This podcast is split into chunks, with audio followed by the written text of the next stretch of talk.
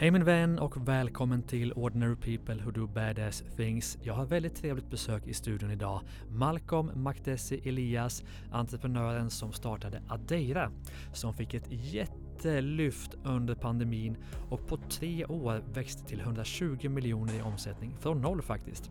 Det är ganska häftigt. Så vi går igenom den bolagsresan såklart, hur man kan växa snabbt som, som bolag, men också om Malcolms spännande uppväxt och hur han gick från akademiker till att bli en bolagsbyggare av rang. Mitt namn är Gustav Oskarsson. Jag lovar att du kommer gilla det här avsnittet, så luta dig tillbaka och njut.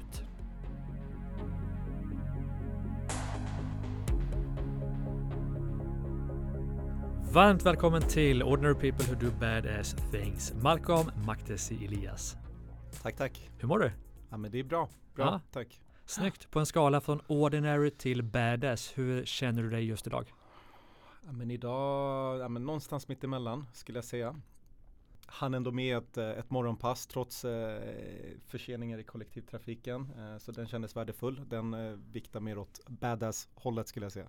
Snyggt. Ett ja. tufft pass alltså? Ja, det blev kort. Ja, eh, men, men, men intensivt. Bättre än inget. För de som inte, om vi bara ska ta en, en kort sammanfattning av dig, eh, för jag tror mm. inte att du är så känd för allmänheten, men du har gjort en jäkligt spännande företagsresa som vi kommer komma in mer på. Men bara för att introducera dig till, till lyssnaren, eh, vem är du? Ja, eh, men Malcolm heter jag, eh, född och uppväxt i Södertälje, i Hovsjö, apotekare, Ehm, från Uppsala universitet och ehm, har väl hunnit med ett par kortare sessioner eh, i arbetslivet. En del inom forskning, eh, sjukhus eh, innan jag ehm, valde att kliva på den mer kommersiella banan kan man säga. Och driver idag Adeira Pharmaceuticals tillsammans med min partner Robert Svanström och har gjort det sedan drygt januari 2020. Så en ganska kort resa ändå. Men, men vad omsätter mm. ni, vad, liksom, vad har ni omsatt som mest? Ja men eh, 2022, eh, jag tror vi precis har fått eh, bokslutet. Kan, ja. kan tillkomma ett par mindre justeringar. Men eh, jag tror att vi landar på ganska exakt 120 mil. Och det är ganska ja. häftigt på två år. Ja, det, det precis. Det blir väl eh, tredje året men, ja. men eh, kanske det andra fulla året om, om man säger så. Just det. Mm. Och det är det vi ska komma in på för jag, vi har träffats i några sammanhang du och jag mm. och jag tyckte att det var så jäkla häftigt. Dels kopplingarna till den verksamhet kopplat till, till covid och pandemin. Eh, mm. hur ni lyckades, jag ska inte säga utnyttja det men använda det för att växa snabbare. Och alltså ni har gjort en otrolig företagsresa och den vill jag verkligen komma in på för det är få företag som växer så snabbt mm. på så kort tid och så mycket. Men jag vill ändå liksom börja någonstans i, i dig som person för att det känns som att din bakgrund kan vara, kan vara relevant och intressant eh, för eh, lyssnaren.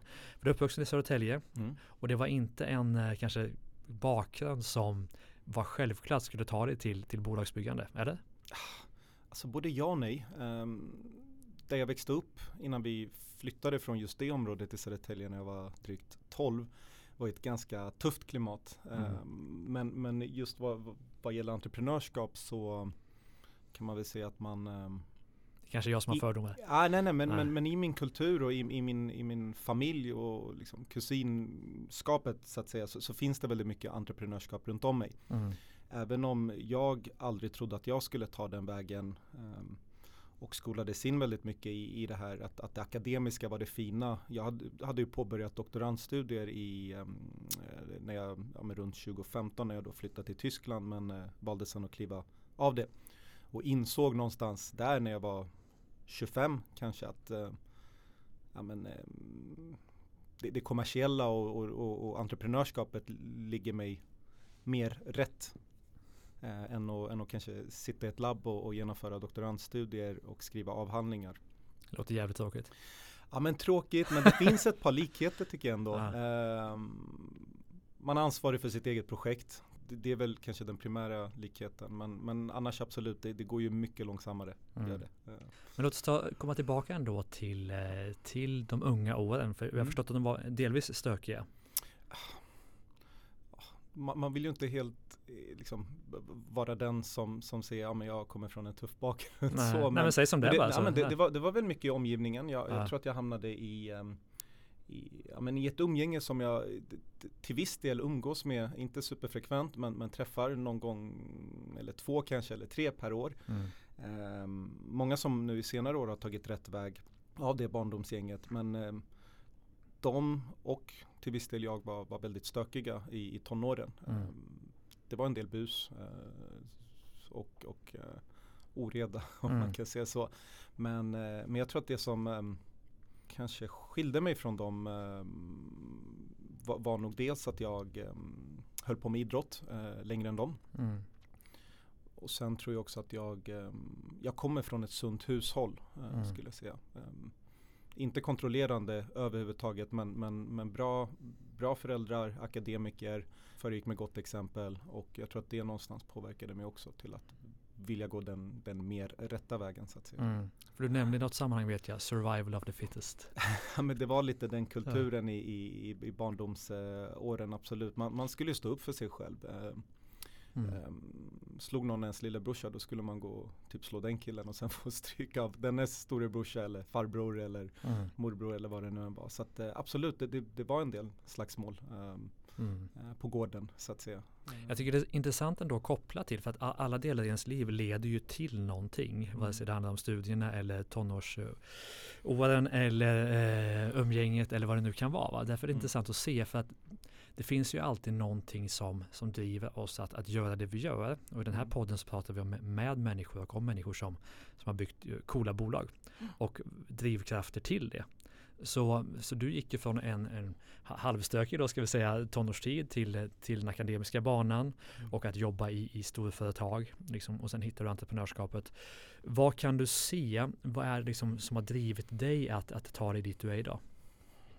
Jag tror att det är ett par faktorer. Um, jag tror att disciplinen um, är en viktig faktor och den, den fick jag med mig i, i tonåren och, och en uh, förmåga att förstå att det mesta om inte allt är eh, möjligt. Um, bara en kort eh, berättelse. Jag, jag, var ju rätt eh, överviktig. Jag var ganska kraftig i unga tonår. Och nu är du snygg i kroppen. Ja, tack. Ja.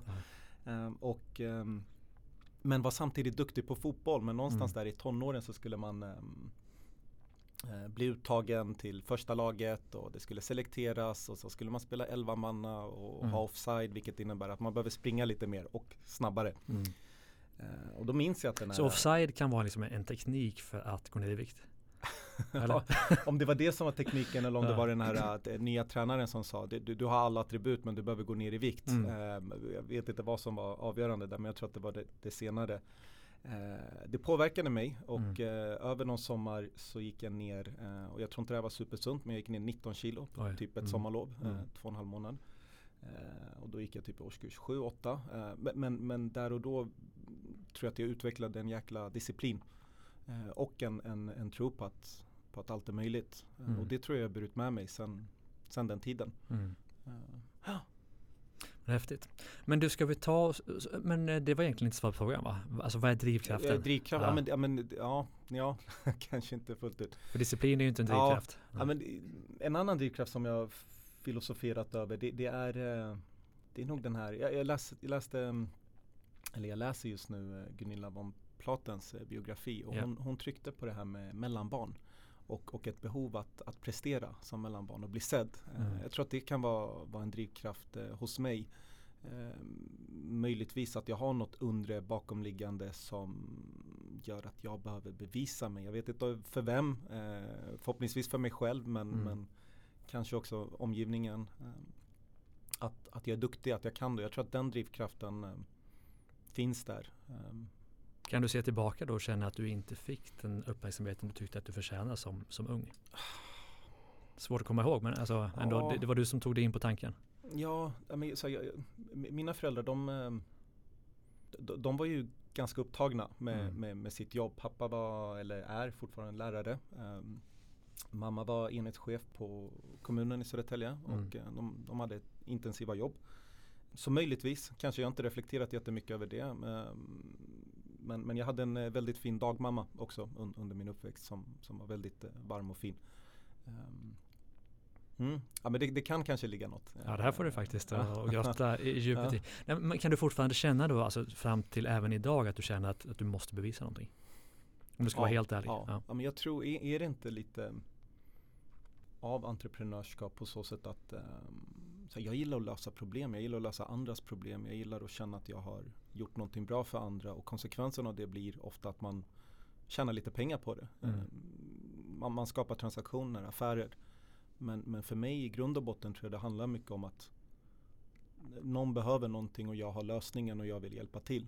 Mm. Eh, och det kan ligga någonting i att bli sedd. Eh, Mm. Att höra ett bra Malcolm, kanske.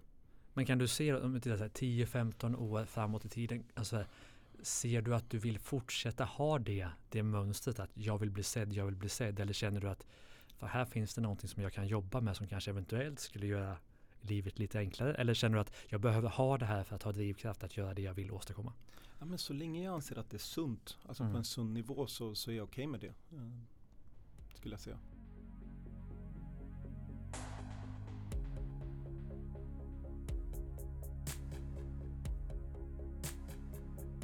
Ska vi ta oss då, vi lämnar Mm. Ja, psykologi-sektionen här och, och ta oss ändå till, till bolagsbyggande. Vi ska komma in mer på dig naturligtvis, men Ja. 2020, vad var det som hände då? Kan du liksom ta oss igenom starten av, av Mm. ert bolag? Ja, men jag, eh, jag hade jobbat som eh, sortiment och inköpsansvarig på en, på en större apotekskedja eller kategorichef eh, Mm. som det heter. Eh, under drygt tre år. Lärde mig väldigt mycket och i mitt uppdrag där så handlade det om att eh, ha en del leverantörskontakt. Eh, man kan väl säga att jag var ansvarig för hyllorna så att när man kliver in på apoteken och kollar på verkhyllan och undrar varför kostar Alvedon som den gör varför har den liksom, jättestor yta i ögonhöjd? Ja, men Mm. det, det, var, det var lite mitt arbete där. Mm. Eh, tillsammans med att sätta attraktiva kampanjer och planer med, med leverantörerna. Eh, det ledde till, till att jag såg att det fanns en del hål på, på hyllorna eller på marknaden. Saker som inte fanns? Saker som inte Ja. fanns, leverantörer som inte förstod värdet i deras produkter och Mm. potentialerna. Och, Och åt helvete, ursäkta, dåliga namn på produkterna. Extremt dåliga namn på produkterna, japp. Ehm, och eh, sen valde jag att konsulta egentligen och, och byta sida. Så att jag konsultade för ett läkemedelsföretag där jag då var Mm. ansvarig för deras eh, egenvård, alltså receptfria portfölj. Mm. Och eh, lärde egentligen känna alla, eller de flesta kategoricheferna på, på marknaden då i min roll. Mm. Och någonstans där så drog min eh, eh, partner då, Robert, samma slutsats men, men egentligen från, ett, från en annan För ni jobbade ihop? Nej, Nej, nej, inte alls. Eh, har egentligen aldrig gjort det. Nej, Nu gör ni det. Eh, nu gör vi det. Ja, Så vi klarar det. Inte för mycket. men, eh, ja, men, och mina, mina slutsatser liksom, klingade med hans slutsatser om att, om att det nordiska apotekssortimentet är något underutvecklat. Han drog den slutsatsen genom För det att finns ha ju- rest mycket. För det går man i USA så finns det ju Ja, lite Ja, mer att välja händer- på. man, lite behöver inte, ja. man behöver egentligen inte gå så långt. Det räcker med att gå till södra Europa. Och för, för att se och förstå att det finns en, en annan bredd. Ja. Ehm, och eh, det ledde egentligen till att vi då hade för avsikt att introducera och um, labla, branda Mm. eh, ett sortiment som vi då skulle lansera i Norden. Mm. Och vad var tanken där då? Så att, att bygga ett brand är såklart en, Mm. en del av det, men var det nya produkter också? Eller var det andra varianter på sånt som fanns? Eh, det var nya produkter Mm. på den nordiska marknaden men de kunde finnas på andra marknader. Ja, okej. Men hur träffades du och Robert då? Fast vi har... Ja, long story short. ehm, han ägde, han var en av de två, eller, eller förlåt, han var en av de första ägarna av apotek efter avregleringen. Så Okej. att han hade två apotek i um, Stockholms förorter, Mm. ehm, Lilla Essingen och Gröndal. Och eh, när han sålde det så behövde hans dåvarande partner eh, hitta en, eh, en ersättare. ehm, och någonstans där hamnade jag, inte som delägare men som anställd apotekschef. Och eh, sen eh, hade vi en eh, mässa en internationell mässa för apotekare varpå jag då träffade honom och sa att ah, men det är jag som är Malcolm, ditt namn känner jag igen för att jag eh, eh, arbetar på apoteket du en gång ägde. Mm. Och där eh, klickade vi rätt bra. Eh, Mm. Robert är en väldigt eh, duktig och driven person och eh, ja, men schysst också, introducerade mig för de eh, liksom, svenska delegaterna och, och någonstans där, det här var ju 2015 och någonstans där behöll vi kontakten till typ när vi startade bolaget Mm. januari 2020. Det är spännande hur det blir, alltså så här Ja. slumpen som bara leder till någonting. Ja men verkligen och vi Mm. är ju extremt olika, kommer Mm. från, från olika förhållanden, ser på saker väldigt olika men eh, jag, jag, jag tror att de här olikheterna har varit sunda för oss båda Mm. eh, och ser liksom det på, på annorlunda perspektiv och vi är väl eh, lite som ett gift par som går i svackor eh, Mm. lärt oss att leva med varandra jag fattar. Men i alla fall, tillbaka till storyn då. 2020 så insåg ni båda två att det finns en, en lucka på marknaden. Men det är ju en sak att inse det och det är en sak att göra någonting åt det. Eh, ta oss igenom liksom bolagsstarten. Ja, men vi var ju kvar på våra respektive anställningar slash uppdrag eh, under den här tiden. Och eh, men jag minns att den första produkten vi avsåg att lansera var egentligen en öronvaxborttagare, typ en plastskopa som säljer väldigt bra i, i USA, yeah. ungefär 100 miljoner units per år. Oj, ja. Men, Aldrig hört talas om. Eh, nej, eh, men Det låter obehagligt. Det. Ja, ja, men den, den är, precis. Och, och egentligen så här med facit i hand nu ska jag säga så här, jag trodde aldrig på det men jag tänkte att det blir en lärdom. Ah. Eh, men jag ville inte liksom döda Roberts eh, okay. drömmar om, om den produkten. Men ah. eh, det gick inget bra. Aha, varför ska, ja, men för att man ska inte peta sig med någonting mindre än armbågen i örat, säger vården. Och det här var ju en skopa som man trycker in, typ Ja men lite bättre än en bomullspinne eh, För att du har liksom den här skopeffekten ah, som då kan Så man ska inte bort. använda tops? Det ska liksom. man ju inte Nej, ah, Vad ska, ska man använda inte. då? Armbågen? Svårt att få in den. Ingenting tills, tills, tills det har gått till den graden att man behöver gå till vården och rensa. Ska man inte det? Eh, på allvar? Ja, men, ja, men Revaxör är en produkt som jag tror kan, kan ah. skölja och sådär. Nu har vi ju lanserat en eh, en svinbra produkt för det. Okay. En, en, en, spray som egentligen får bort det där med, men ja, nu blir jag lite för farmaceutisk. Men, ja. men den här produkten som ni hade tänkt, den, den funkar inte alls liksom? Alltså det är klart den funkar men den, inte, det, det, här, den kommer inte rekommenderas av vården. Nej, äh, så. men, men mm. någonstans, någonstans i den uh, resan så um, nu börjar vi komma in någonstans i mars ja, 2020, 2020 yeah. och då börjar vi få uh, de här kategoricheferna uh, intresse av handelsinfektion. Mm. Och då frågar nu snackar oss, vi covid. Nu snackar vi covid. Mm. Um, och då kände vi att så här, vi har ju inget att förlora. Mm. Um, de känner förtroende Hade ni den typen av produkt då? Nej, nej, nej. Men vi såg till att hitta den kan man säga. Och de kom till det för att de kände er, de visste vilka ni var? Liksom. Lite mm. så. Yeah. De, de gav oss en vägledning. Så här, men, så här, strunta i den här produkten, foka på, på, på att se om ni kan lösa det här åt oss. Yeah. Det, och det, var, egentligen det var en handelsinfektion. Liksom. Ah. Då var det handelsinfektion och vi har en stolthet i, i, oss själva och vårt varumärke så att vi tog fram en, en, en premiumvariant yeah. som, som var i sprayform och, och sådär och fick ett par transaktioner. Då fick vi Kronans Apotek och Apotea som kunder. Yeah i första skedet eh, när produkten tillverkades i Sverige. Men det var en lite kladdig setup. Men, men, vi är ju väldigt tacksamma för att den här svenska tillverkaren gav oss förtroendet att introducera den på delar av apoteksmarknaden. Mm. Problemet där och då var att de hade redan gått in själva och fått distribution hos någon apotekskedja. Okay. Och sen kanske känt att de har misslyckats och gav oss typ rätten att sälja den på andra. Och det, det, det blev lite kladdigt med yeah. liksom, vilken yeah. prissättning man ska ha. Man ska ha och sådär. Men, men vi kom in eh, ganska snabbt. Mm. Vilket var tacksamt. Men det måste varit många som ville sälja handdistribution. Liksom var, ja. Eller fanns det inte tillräckligt mycket? Eller var det som ja, enorm tror, efterfrågan? Det, eller? Det, det, var en extremt hög efterfrågan. Ja. Eh, men vi kände, sen kom ju nästa fråga och, och det var ju eh, eh munskydd. Eh, det här var ett par månader senare och där eh, där tror jag att vi var mycket tryggare för den går under ett regelverk som, som vi behärskade lite bättre. Mm. Um, och som de här produkterna, de här långsiktiga produkterna som vi har lanserat idag och då avsåg att lansera ingår under samma regelverk. Mm. Även om det är en kapsel eller spray eller droppar. Yeah. Så, kontra munskydd så var det lite samma regelverk. Mm. Där kunde vi agera lite snabbare och lite bättre. Och um, det var ju där merparten av transaktionerna kom. Mm. Uh, men det var ju en, en sjukt volatil marknad. Uh, verkligen. Ja. Men bara det liksom att okej, okay, nu ska vi sälja, för ni sålde inte munskydd innan pandemin. Bara Nej, det liksom att veta hur mycket ska man ta in, vart, vilka leverantörer ska vi ha? Mm. Är det Kina, kommer det något från Kina? Alltså liksom, ja. hur, hur, gjorde man det? Ja, men vi kände att vi är ju två apotekare, ja. Robert förvisso även ekonom, men, men så här, vi, vi har ingen koll på supply chain, ingen koll Nej. på, på um, logistiken och jag tror, att, jag tror att vi är ganska trygghetssökande, vi har inte djupa fickor. Så vi behövde hitta en, en aktör, um, vi behövde hitta någon mellanhand. Eh, mm. Det, det, fanns inte på kartan att importera själva från Kina. Uh, det, det gick emot oss mm. också ska jag säga.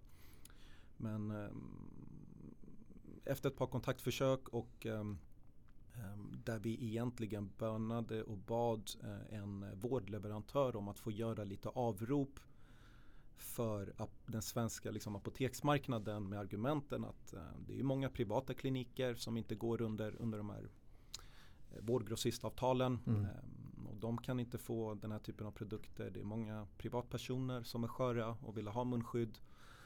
Och eh, jag tror att de förstod det och kunde avvara ett parti som vi då levererade på. Och eh, i början var vi nog ganska ensamma om det. Eh, mm. skulle jag säga. Men konkurrensen kom ju därefter och pris, priset. Eh, ja, men det, det, det, är ju, jag skulle väl säga mm, en vanlig marknad som tar tre år eh, att, att harmoniseras. Här, mm. här, här, tog det månader eh, mm. och det gällde att liksom inte sitta på för mycket lager.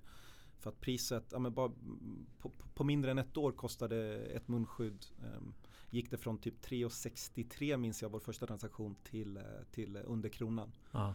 Uh, så att, ja, men det gällde att säkerställa att man inte sitter där med dyrt gods som inte går att sälja. Just det. Men så, så att eh, handelsinfektion och uh, och munskydd blev ju liksom verkligen en, en enorm start för det. Liksom. Det måste mm. väl ha stått för hela omsättningen då i början tänker jag i princip. Ja, första året absolut. Ja. Ja, ja men munskydden framför allt. Var det inte någon story också med munskydden att det var olika sorter, någon blev förbjuden och Ja men det, det, det har varit jäkligt kladdigt. Ja. Ehm, kan försöka liksom bryta upp det men, men ehm, de, de här ehm, de här munskydden som vi fick lov att göra lite avrop på som ja. var avsedda för vården var yeah. också avsedda för Försvarsmakten, Socialstyrelsen och, och så och mm. allt kom från Kina. Um, de här produkterna, vi var ju en extremt liten spelare i det här. Yeah. De här produkterna uppdagades eh, på Uppdrag granskning eh, med misstanke kring att uigurer då skulle liksom, eh, i, i osunda förhållanden ha framställt bomullen i, eh, okay. för, för munskydden bland annat. Mm. Och ehm, det var ju första gången vi på riktigt sattes på prov. Apoteken eh, hörde av sig till oss. Ehm, eh, deras presstalesperson och, och så här, vi, var ju en extremt liten spelare i det här utan eh, vi, men, men, men, där tycker jag att Robert hanterade det väldigt väl. Ehm, det, det, var, det var ju veckor fyllda av ångest under den här perioden för att, för att om man sätter i perspektiv att våra liksom besparingar, dessutom belåningar från, från föräldrar. Mm. Eh, I mitt fall eh, lades på det här och det var ju ganska säkra transaktioner då. Mm. Och sen önskade de, eh, de aktörerna vi hade sålt det till att eh, returnera de här på en prisnivå som vi då sålde dem för. Eh, mm. Men som var långt över marknadsvärdet så att vi kunde ju inte göra någonting med mm. dem där. Och det hade ju försatt oss i konkurs rakt av. Mm. Ehm, men vi lyckades hantera det och någonstans innan det så hade vi förberett oss för att inte vilja vara mellanhänder. Mm. Vi vill kunna kontrollera kedjan bättre. Vi vill hitta en producerande fabrik i Europa. Det, det, det klingar väl eh, med vad vi vill stå för. Eh, men också ska, ska jag säga att en europeisk tillverkare, med, med en sån så kunde man hantera fluktuationer mycket bättre än om produktionen skedde långt bort i Asien. Eh, och det såg vi som en extrem fördel sen. Så att vi hade ju kommit ganska långt med det här med, med, med de europeiska munskydden och hade också valt att lansera jag menar alla fokade på blåa fula 50-pack då, då, mm. då, tog vi fram liksom, svarta 10-pack, vita 10-pack och mer konsumentvänliga produkter. Mm. Eh, för det var den marknaden vi var i. Men eh, när det här uppdagades då i Uppdrag granskning då kunde vi avisera de här europeiska tillverkade munskydden och det gjorde att vi då precis innan, innan jul fick en distribution på hela svenska apoteksmarknaden istället mm. för att bara ha varit på, på, på någon, ja men ett, två aktörer. Mm. Eh, så Återigen samma, samma princip, liksom att titta vad, vad är det konsumenterna vill ha, ja. inte bara vad systemet vill ge. Ja men konsumenterna men också våra återförsäljare. Mm. Eh, onekligen ville de inte ha något från Kina efter det här uppdagades från granskning och um, Eh, och, och, det hade vi egentligen förberett oss på och de vill mm. också kunna säkra snabba leveranser och det mm. hade vi genom en europeisk fabrik. Så att absolut, eh, vi gjorde helt rätt.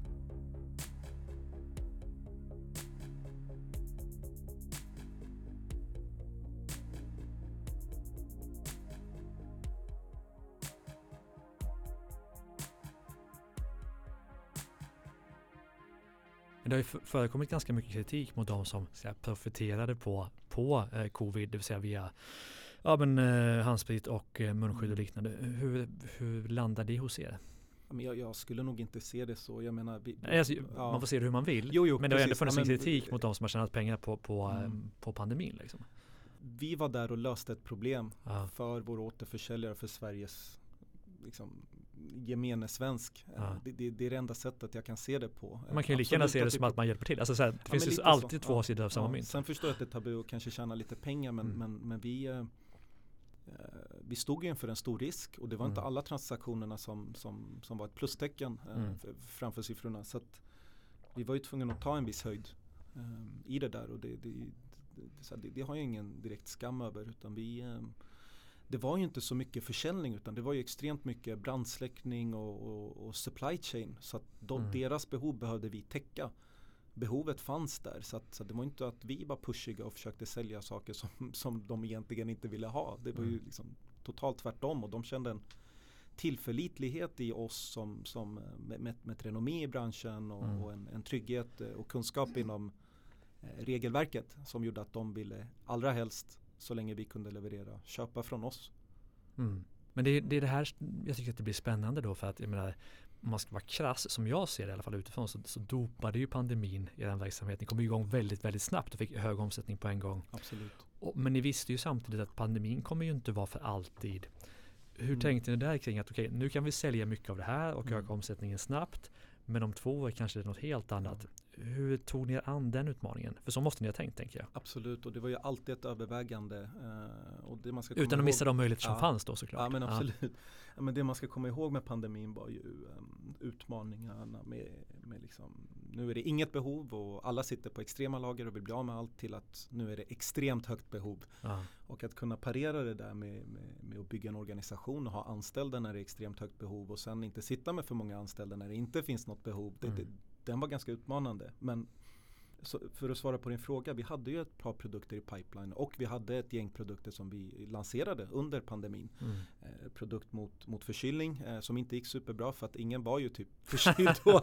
eh, vi gick ju i tv med och betalade närmare en halv miljon eh, och kände ja, men det, vi fick extremt bra distribution på den produkten men hela förkylningskategorin var ju ehm, bara röda siffror. Yeah. Och sen hade vi någon produkt mot laktosintolerans, ett, ett, ett par andra, någon nässpray och eh, alla de här lanserade vi under pandemin. Eh, men eh, man kan väl säga så att det var svårt att hitta tiden att ge dem kärlek mm. Eh, på så sätt att, alltså tittar man på pandemirelaterade produkter, det var ju självsäljande produkter. Mm. Medan de här andra långsiktiga produkterna som vi har nu, mm. de, de, behöver vi ju eh, marknadsföra, vi måste se till att synas, vi måste arbeta lite mer med dem och det, det hade vi inte riktigt tid med eh, tyvärr. Så att de stod i hyllan, snurrade inte superbra men, men har fortfarande presterat väldigt väl och, och eh, idag har vi en, en extremt trevlig portfölj som jag är sjukt stolt över. Vad, vad är liksom största säljaren nu? Eh, största? Ja, vad är det som säljer mest av det ni ah, Ja, men det, är en, det är en magprodukt mot gasbesvär eh, skulle jag säga eh, som, eh, som ger effekt på en kvart och, och minskar kramper och, och smärta som associeras med mm. gasbesvär. Inte så, supersexy. Så, så, om man tittar på omsättningen och även vinst såklart, kommer ni att lyckas hålla och kanske till och med öka omsättningen även efter pandemin eller kommer det att dippa nu? Liksom? Ja men det kommer att dippa. Ah. Om, om, man kollar första året så omsatte vi 30 mil eh, och det var ju mm, typ enkom covid. Ja, ja. Och eh, ja, men egentligen skulle jag säga att det alla åren har sett ut att det har varit en, en stor övervägande del eh, covid, absolut. Mm. Och går vi in nu i 2023, alltså nu, nu är vi ju ett läkemedelsföretag och ja. eh, fick strax innan jul nu 2022 även ett partihandelstillstånd eh, mm. och har nu första kvartalet genomfört ett gäng transaktioner där vi har um, ombesörjt um, ganska liknande modell egentligen. Dels är det, är det, är det anbud på, på produkter, på, på läkemedel som vissa patienter behöver. Mm. Men sen är det också eh, produkter som, som är slut i Sverige men går att anskaffa i andra länder. Eh, nu mm. senast så, så, eller kommer vi leverera den här veckan eh, ja, men egentligen typ en Ipren-liknande variant för barn i lösning mm. som är helt slut och eh, den har vi lyckats sourca från, eh, från Lettland. Eh, mm. samma brand i princip, Nurofen heter den och, eh, och kommer leverera till norska apoteken. Mm. Um, men eh, för att svara på din fråga, förlåt. Vi, ehm, vi kommer inte omsätta lika mycket som 2022, mm. nej. men, men vi kommer nog slå första året. Men en mer hälsosam omsättning kan man säga? Oh ja, mm. oh ja. men allt är mer hälsosamt nu. Det, mm ibland när man tänker tillbaka på, på de här vad jag kallar brandsläckningsåren så det, det var ju ganska mycket ångest. Man mm. blev ju en ganska oskön version av sig själv ja. på grund av stressen. Eh, jag tror att många kan känna igen sig i att när det är en hög eh, ett, ett högt stresspåslag över en längre period då, då, ja, men då blir man ganska oskön. Eh, mm. Och jag tror att jag, jag Hur blev du oskön?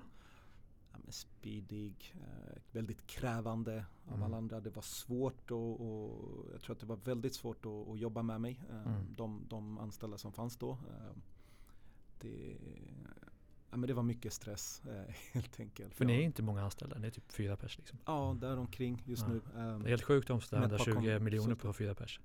Ja, absolut. Jo, eh, se- sen, sen är vi ju tacksamma för att det var ganska självsäljande produkter. Men, Mm. men det ligger mycket bakom. Vi, vi brandade ju allt. Vi översatte, vi sourcade, vi förhandlade, vi såg till att leverera. Och, ja. Men eh, vi gillar att vara slimmade och vi gillar att inte ha så mycket overheadkostnader. Vi, vi har ett litet kontor eh, Mm. som inte kostar så mycket. Vi har ett litet lager som inte heller kostar så mycket. Eh, så att, eh, ja, vi är ganska kostnadsmedvetna. Mm. Fattar. Men eh, okej, bara en snabb fråga då. Att, att ta sig in på apotek, Mm. eh, det kan ju du allting om. Om, om, man har ett annat, om man har ett brand, eh, de som lyssnar, Mm. de vill ta sig in på ett apotek, vad är bästa tipset? förstå marginalkraven och Ja. förstå vad de vill ha. Mm. Um, jag tror det, det är lätt hänt att man tror att man sitter på någonting extremt bra och sen har man tabbat sig i kalkylen. Mm. Och de har sett det mesta, de vill bara tjäna pengar som alla andra. Ja, Eller? ja men absolut. Eh, De, här, ska de, ska, här, för att du ska få plats i hyllan så måste någonting bort Mm. som, som har ett visst tick. Ja. Så att de måste ju tro på det, absolut. Just det. Och där måste du eh, dels se till, alltså första steget är att se till att marginalerna eh, är rätt. Och sen i, andra skedet eh, visa på hur du kan se till att öka deras återförsäljarnas försäljning. Hur Mm. du kan locka in konsumenter till dem. Just det. Men du, låt oss snacka lite om Mm. dig också. Nu har vi snackat mycket om, om läkemedel och bolag. Vem behöver du vara för att liksom driva den här typen av bolag? För jag menar, du har ingen jätteerfarenhet av, eh, av entreprenörskapet på så sätt sedan innan. Mm. Kan du, liksom, vad, vad har varit nycklarna för dig att, att kunna ta bolaget till vad det är idag? Ja, men förstå värdet skulle jag säga att ha bra leverantörer bakom sig. Mm. eh, Och vara långsiktig i sina, sina affärer. Ehm, inte överlova och försöka hålla, hålla vad, man, vad man säger. Mm. Ha ett bra driv som är sunt eh, och, och långsiktigt. Mm.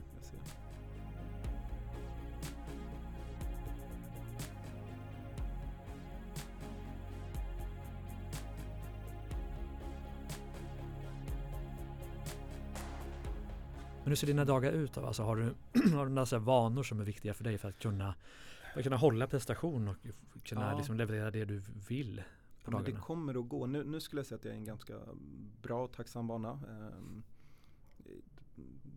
Jag eh, kör ett gympass på, på morgonen, Mm. lite crossfit-inspirerat, ser till att svettas. Varje dag? upp- Ja, måndag till Mm. fredag i alla fall. Ja.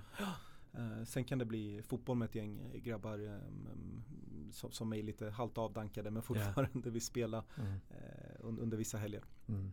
Men den, eh, den vanan gillar jag. Eh, Den är väldigt liksom rutinmässig. Jag brygger en kopp kaffe, sätter den i en take away-mugg, promenerar till gymmet ehm, och kör ett pass på typ 40 minuter. Klockan? Ja, vaknar 6.40, är där typ 7, Ja. 20 någonting, Okej. 25. Mm. Tränar till typ 8.15, tar Mm. en väldigt kall dusch, vak, vaknar upp, blir pigg Ja. och sen börjar tanke, tankeverksamheten gå igång. Så Mm. att väl, väl på plats till lagom till morgonmötet då har jag, då, då har jag liksom klart för mig vad, vad dagens agenda är. Och det är morgonmöte varje dag. Nja, i, i runda slängar varannan dag skulle jag Mm. säga. Ja. Och hur ser arbetsdagen ut? Alltså, vad, vad gör du för att få det du måste göra gjort? Har du några principer? Mm, ja, men vi jobbar ju i, i eh, men jag, jag, jag ser till, jag tror att det största misstaget är att ha notes, att göra notes på, på fler, fler platser än- en. Ja. Där kan jag tabba mig, det kan vara en del i anteckningsblocket och sen kan det vara någon typ av planningverktyg. Eh, Mm. Det, det, det ska man vara väldigt försiktig med. Jag, jag har allt samlat på en plats. Eh, jag, vi använder oss, vi jobbar ju Microsoft, eh, egentligen liksom vårt ERP-system Business Central och allt, egentligen mailen. Och, Mm.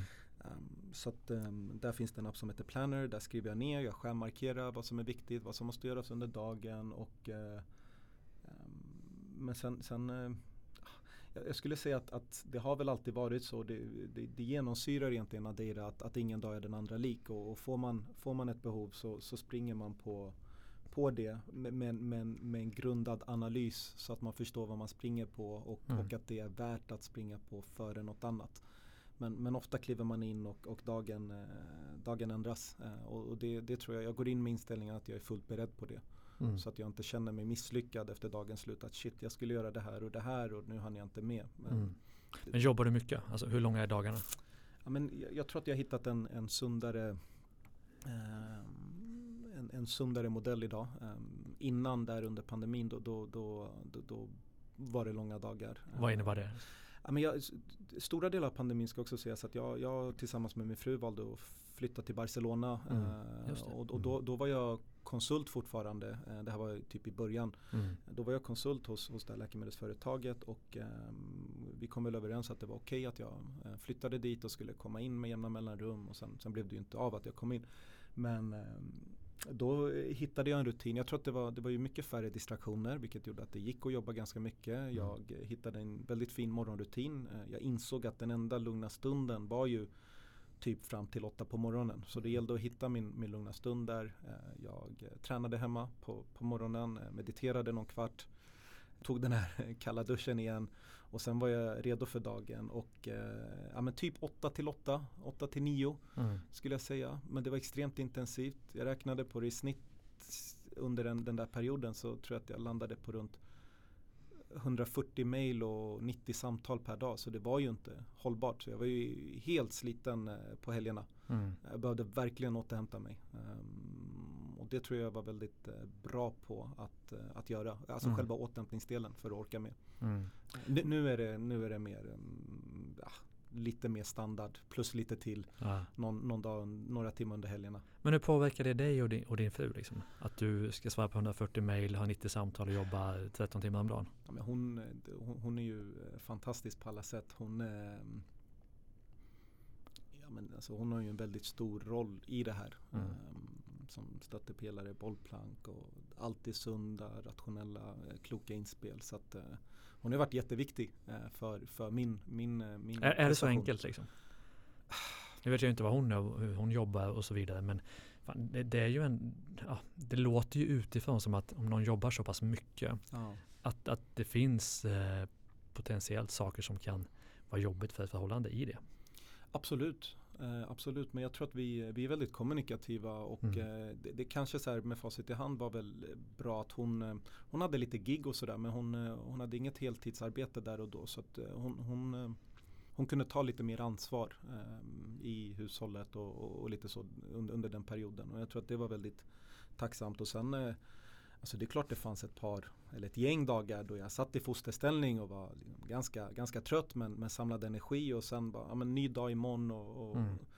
eh, så, att, så att det, det var upp och ner och jag tror att, jag tror att hon, hon är nog den bästa personen i världen för mig eh, mm. och kunna hantera det så att vi det har inte varit jättemycket friktion utan eh, vi har eh, vi har, eh, jag tror att vi är två medvetna individer som är kommunikativa. Mm. Men när du då satt eller låg i fosterställning, vad, vad kände du då? Liksom? Kändes det ändå värt det? Liksom, att nu kör vi imorgon, fast ja, idag ska jag bara ligga här. ja, men det är kanske är mitt sätt att samla energi och, och, och, och, ta mig an utmaningen eh, nästa dag. Alltså, så här, allt går inte, det går inte att, att, ha orken för att hantera allt där och då. Eh, utan man, man, får, man får ta det nästa dag om man inte orkar. Ja lite så. Fattar. Du, tiden går väldigt fort. Mm. Vad, vad, är det vi inte har pratat om som du känner att det här är ändå viktiga takeaways från bolagsresan, livet, min tid som entreprenör, framtiden. Vad är det som du skulle, det här måste vi snacka om. Finns det något som jag missat? Ja, eller ja. Nej men eh, kanske sätta lite tipp på, på, på vart vi är idag och, och, och lärdomarna från, från en eh, från ett bolagsbygge bortom covid och, ja. och bortom liksom brandsläckningen. Um, idag vi, ett, vi fortsatt ett slimmat gäng. Vi är, eh, vi är fem personer på kontoret och mm. eh, två, tre konsulter eh, och har ett outsourcat eh, lager för vår eh, receptfria portfölj kan man säga. Och sen har vi ett, ett eget litet lager ehm, i, i Södertälje faktiskt um, av en slump. Mm. Uh, och mest för att vi, vi når våra kunder uh, på, på kortast möjliga tid därifrån. Men, men jag skulle väl säga att um, där vi är nu um, i bolagsbygget så, så uh, tycker jag att vi har gjort ett par sunda val. Uh, vi har fått uh, en bra distribution på våra produkter. Vi finns i stora delar, alltså vi finns i, i Sverige men vi finns även i, i Norge och när som helst i Finland och i Baltikum. Eh, vårt sätt att bredda och internationalisera har varit genom distributörer. Eh, vi har haft en, en, en kalkyl som har varit förmånlig på så sätt att det finns utrymme för distributörer. Eh, och det ser vi som en snabb väg att bredda. Och jag skulle också säga att där vi, där vi kanske har utmärkt oss väldigt mycket är att eh, vi var ju inne på det här med, med komplicerade namn på produkterna. Mm. Eh, vi har ju valt att gå ifrån det helt och på våra förpackningar ute i hyllorna så ser man en indikation eh, i väldigt stor text. Det står gasbesvär, laktosintolerans, vårdande nässpray. Mm. Eh, för det är det vi tror att konsumenterna vill läsa och se när de står i hyllan och blir bombarderade av massa intryck. Man, man vill se vad, så här, jag, jag blöder näsblod, jag vill ha något som är vårdande för mig. Ja, du vill inte läsa ibuprofen för du fattar inte ja, men precis. vad det är. Mm. Ja men precis och den, den, den, den, den typen av namn finns ju där på våra men i extremt mm. liten, ja det, det, ger ingenting för konsumenten. Och, eh, mm. um, det, det, har vi sett som ett, eh, ganska, en ganska unik approach inom apotekshandeln men man kan se det i dagligvaruhandeln lite grann. Eh, titta till exempel på Kung Markatta där alla produkter ser likadana ut oavsett om det är godis eller jordnötssmör mm. och schysst käk, kebab, även, oavsett om det är såser eller bröd eller kött. Eh, mm. samma layout så att säga. Så, så att det har vi tagit med oss lite och hittat inspiration från dagligvaruhandeln som har kommit lite längre. Mm. Och eh, har insett att det har varit ett, ett framgångsrecept. Mm.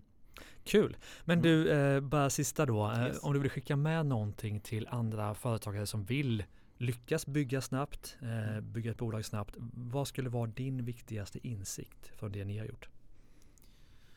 Men fastna inte så mycket i analyser utan, utan eh, kör och lär dig allt eftersom.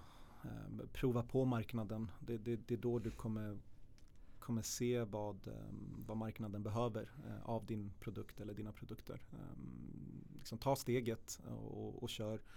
Ta inte in delägare i tidigt skede skulle jag också säga. Mm. Ehm, Ni har inte gjort det alls? Eller? Nej, utan det har vi inte gjort. Utan, eller delägare kan man ta in, men, men investerare som är passiva, det, så här, behöver du inte, gör inte det. Det finns andra sätt att växa ekonomiskt. Du kan mm Eh, du kan eh, sälja fakturor genom prioritet finans mm. eller, eller, liknande och, eh, och växa den vägen om du vet att det är säkra transaktioner och att mm. de kommer.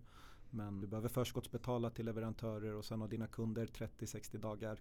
Mm. Eh, sälj fakturorna, väx den vägen. Eh, våga göra inköpet om du vet att det är en säker transaktion. Mm. Eh, lite så, jag tror att det är många som fastnar där. Mm. är min bild. Kul! Mm. Spännande, härligt samtal och du, all lycka till nu också även efter Stort covid. Tack. Och jag hoppas verkligen att det ska gå, eh, gå jäkligt bra. Ja, jag har försökt det få köpa in mig i bolaget men det har ju varit så nej, nej, nej, nej. Du eh, Malcolm, tack så mycket. Yes, tack själv. Tack och tack till dig som lyssnar. Glöm inte att signa upp för en prenumeration på Ordinary People Who Do Badass Things och också på våra andra poddar. Starta eget-podden och Business Hacks. Stort tack för idag. Hej då.